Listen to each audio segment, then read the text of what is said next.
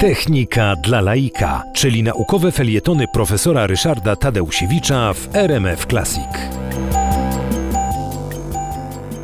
Prognozy pogody potrafimy stawiać coraz lepsze.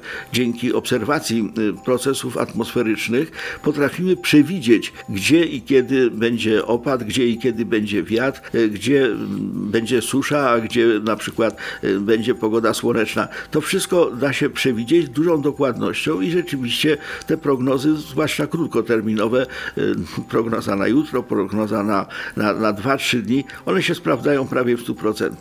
Natomiast ciągle jeszcze nie potrafimy pogodą sterować. No to pogoda nami steruje, bo, bo pozwala nam na przykład pewnego razu pójść na spacer, a innym razem zmusza nas do tego, żeby zaopatrzyć się w parasol i, i mocne, szczelne buty. Natomiast y, pytanie jest takie, co można w tej sprawie zrobić? Zwłaszcza jeżeli chodzi o to, że w pewnych miejscach chcemy, żeby w określonym momencie było słonecznie, a innym razem, żeby właśnie spadł deszcz. No i wobec tego są ciągłe eksperymenty, jak to zrobić, żeby można było pogodę sterować. Okazuje się, że jest metoda, która polega na tym, że jeżeli są chmury, nawet takie, z których absolutnie deszcz y, nie ma ochoty padać, to można te chmury y, zasiać albo suchym lodem, czyli dwutlenkiem węgla ze stalonym. Krótko mówiąc, samolot leci i sypie na te chmury y, ten suchy lód, albo jodek srebra, substancja, której bardzo niewielka ilość, jedna łyżeczka może spowodować, że kilkaset no, metrów sześciennych wody spadnie i wobec tego to funkcjonuje.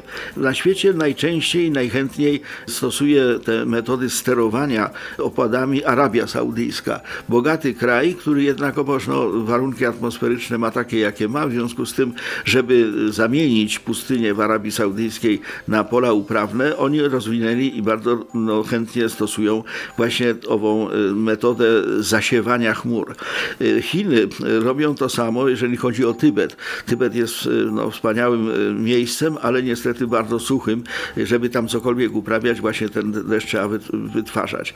Y, natomiast co zabawne, Rosjanie robili też te sztuczne opady deszczu, ale po to, żeby chmury deszczowe nie doszły nad Moskwę w momencie, jak na przykład miała być defilada. Wtedy dookoła sypano tym właśnie jodkiem srebra, wszystkie chmury się osuszały, a nad miastem podczas uroczystości była piękna pogoda. Ale to są dopiero pierwsze kroki. Jesteśmy jak raczkujące dzieci, y, które uczą się dopiero chodzić, dlatego że potrafimy pogodę przewidzieć, ale ze sterowaniem nam ciągle jeszcze nie wychodzi.